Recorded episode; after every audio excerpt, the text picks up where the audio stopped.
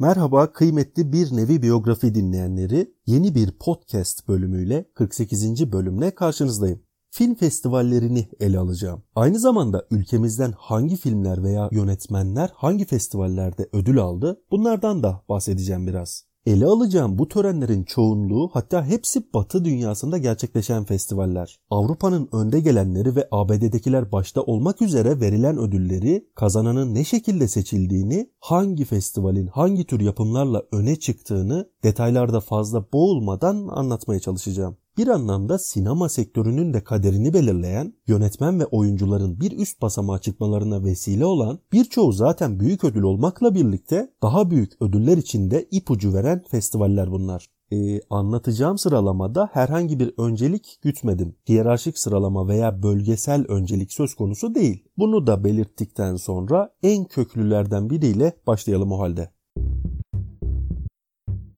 Venedik Film Festivali 1932 yılında başlayan festival o tarihten bu yana her yıl Ağustos sonu ya da Eylül başında Venedik'teki Lido adasında gerçekleştiriliyor. Ve tabi dünyanın en prestijli film festivallerinden biri. Festivalde verilen ödüller en iyi filme verilen Altın Aslan, en iyi yönetmene verilen Gümüş Aslan ve en iyi erkek ve kadın oyunculara verilen Volpi kupasıdır. 2014 yılında Kaan Müjdeci tarafından yazılıp yönetilen Sivas filmi Altın Aslan ödülünde yarışmak üzere 71. Venedik Film Festivali'ne seçiliyor ve festivalde Altın Aslan'dan sonra gelen jüri özel ödülünü kazanıyor.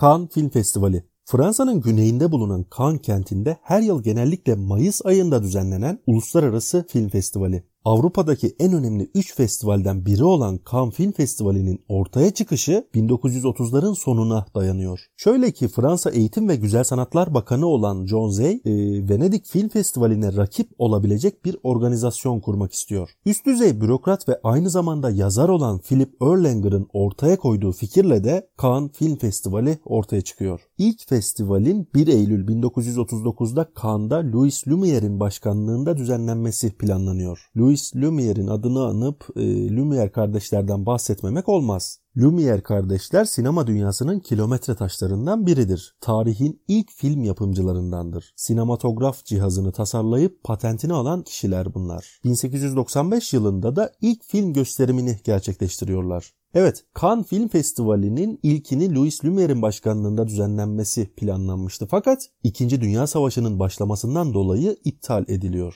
ve ilk festival ancak 20 Eylül 1946'da yapılabildi. Festivalde verilen yarışma ödülleri Altın Palmiye, Büyük Ödül, En iyi Yönetmen, En iyi Kadın Oyuncu, En iyi Erkek Oyuncu, En iyi Senaryo, En iyi Kısa Film ve Jüri Ödülüdür. Festival zamanla Avrupa sinemasının en önemli vitrinlerinden birine dönüşüyor. Jill Forbes ve Sarah Street'in yazdığı European Cinema An Introduction kitabında Cannes Film Festivali için Avrupa sinemasının sanatsal sinema nosyonunu beslemesi açısından çok önemli imkanlar yarattığı söyleniyor ve dolayısıyla festivalin sanat filmleri için önemi vurgulanıyor. Cannes Film Festivali ülkemiz için de oldukça değerli bir festival. Birisi hayatta olan iki büyük isim yaptıkları filmleriyle festivalin en değerli ödülü olan Altın Palmiye'yi kazandılar. Senarist, yapımcı, yazar ve oyunculuk kasetlerine sahip olan Yılmaz Güney'in senaryosunu yazdığı ve Şerif Gören'in yönetmenliğini yaptığı Yol filmi 1982'de Cannes Film Festivali'nde Altın Palmiye ödülünü alıyor.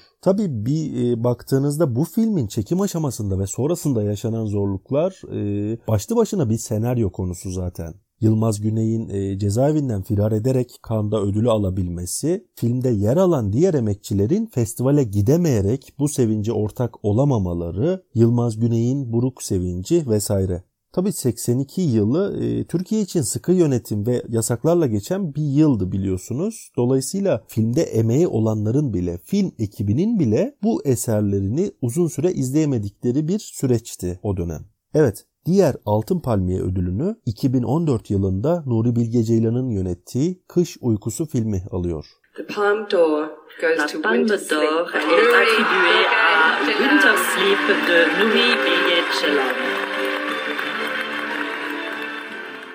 Akademi Ödülleri Akademi ödülleri veya popüler adıyla Oscar ödülleri film endüstrisindeki sanatsal ve teknik başarılara verilen ödüller. Kaliforniya merkezli Sinema Sanatları ve Bilimleri Akademisi tarafından 1929 yılında Los Angeles'ta verilmeye başlanıyor. Hollywood Roosevelt Hotel'de yapılan e, törenin ilk resmi adı Academy of Motion Picture Arts and Sciences idi. Oscar töreni 1953 yılında ilk defa televizyonlarda gösterilmeye başlanıyor. İlk düzenlenen törendeki ödüllerin sahipleri 3 ay öncesinden halka duyurulmuştu. 1941 yılında bu düzen değiştirildi ve kapalı zarf uygulamasına geçildi. Akademi üyelerinin oylarıyla verilen ödüller sinema dünyasında uluslararası bir başarı sayılıyor. Ödül kazananlara verilen heykelciğin resmi adı Akademi Liyakat Ödülü. Olmasına rağmen tabi e, çoğu zaman Oscar ismiyle anıyoruz biz. Heykelciğin sembolü ise Metro Goldwyn Mayer'ın sanat yönetmeni e, Cedric Gibbons tarafından tasarlanıyor. Gibbons 5 parçalı bir film makarası üstünde elinde kılıcıyla dikilen bir şövalye taslağı çiziyor. Bu film makarasının 5 halkasını oyuncular, film yazarları, yönetmenler, yapımcılar ve teknisyenler temsil eder. George Stanley ise heykeli son haline getirdi. 34 santim yüksekliğinde, 3.85 kilogram ağırlığında ve 24 ayar altında kaplı.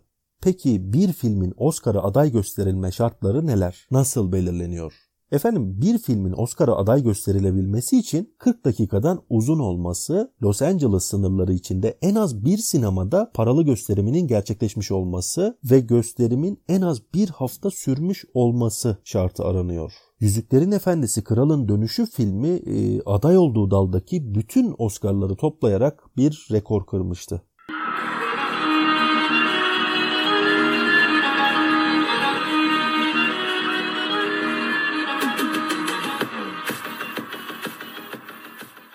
Berlin Uluslararası Film Festivali Venedik ve Cannes Film Festivalleri ile birlikte Avrupa'nın önde gelen festivallerinden. 1951 yılından beri her yıl Şubat ayında düzenlenen festivalde altın ve gümüş ayı ödülleri verilir. Ödüller her yıl yenilenen 10 kişilik jüri tarafından belirleniyor. Ödül e, isminden de anladığımız üzere bir ayı figürüdür. Zira aynı zamanda eyalet olan Berlin şehrinin sembolü de bir ayıdır. Altın Ayı ödülü festivalde en iyi film için verilen ödüldür. Gümüş Ayı ise en iyi yönetmen, en iyi erkek oyuncu, en iyi kadın oyuncu, en iyi müzik, en iyi senaryo gibi kategoriler için verilir. 12 Kızgın Adam ve Yaban Çilekleri gibi filmlerin yanı sıra yerli sinemamızda da Altın Ayı'ya e, layık görülen filmler var. Duvara Karşı, Bal ve e, Metin Erksan'ın Susuz Yazı.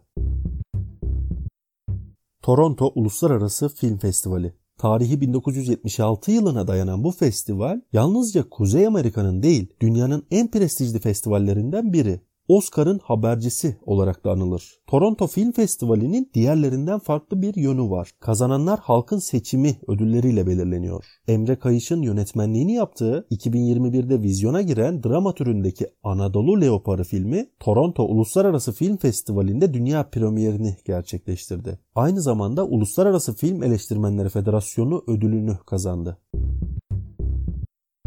Amerikan bağımsız sinemasının bilinirliğine katkıda bulunan bağımsız film yapımcılarının çalışmalarını sergileyebilecekleri bir festival. Sundance Film Festivali.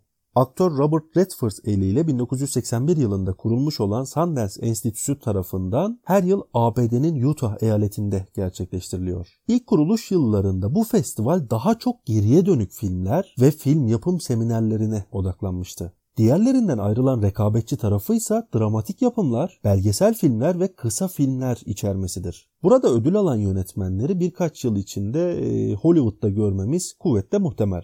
Festivalde jüri büyük ödülü, seyirci ödülü, Valdo Salt senaryo ödülü ve jüri özel ödülü verilir. Yönetmenliğini Tolga Karaçelik'in yaptığı Kelebekler filmi 2018 yılında Sundance Film Festivali'nde Dünya Sineması Büyük Jüri Özel Ödülüne layık görüldü. 2021 yılında ise Serhat Karaaslan imzalı Suçlular filmi kısa film seçkisinde jüri özel ödülünü kazandı.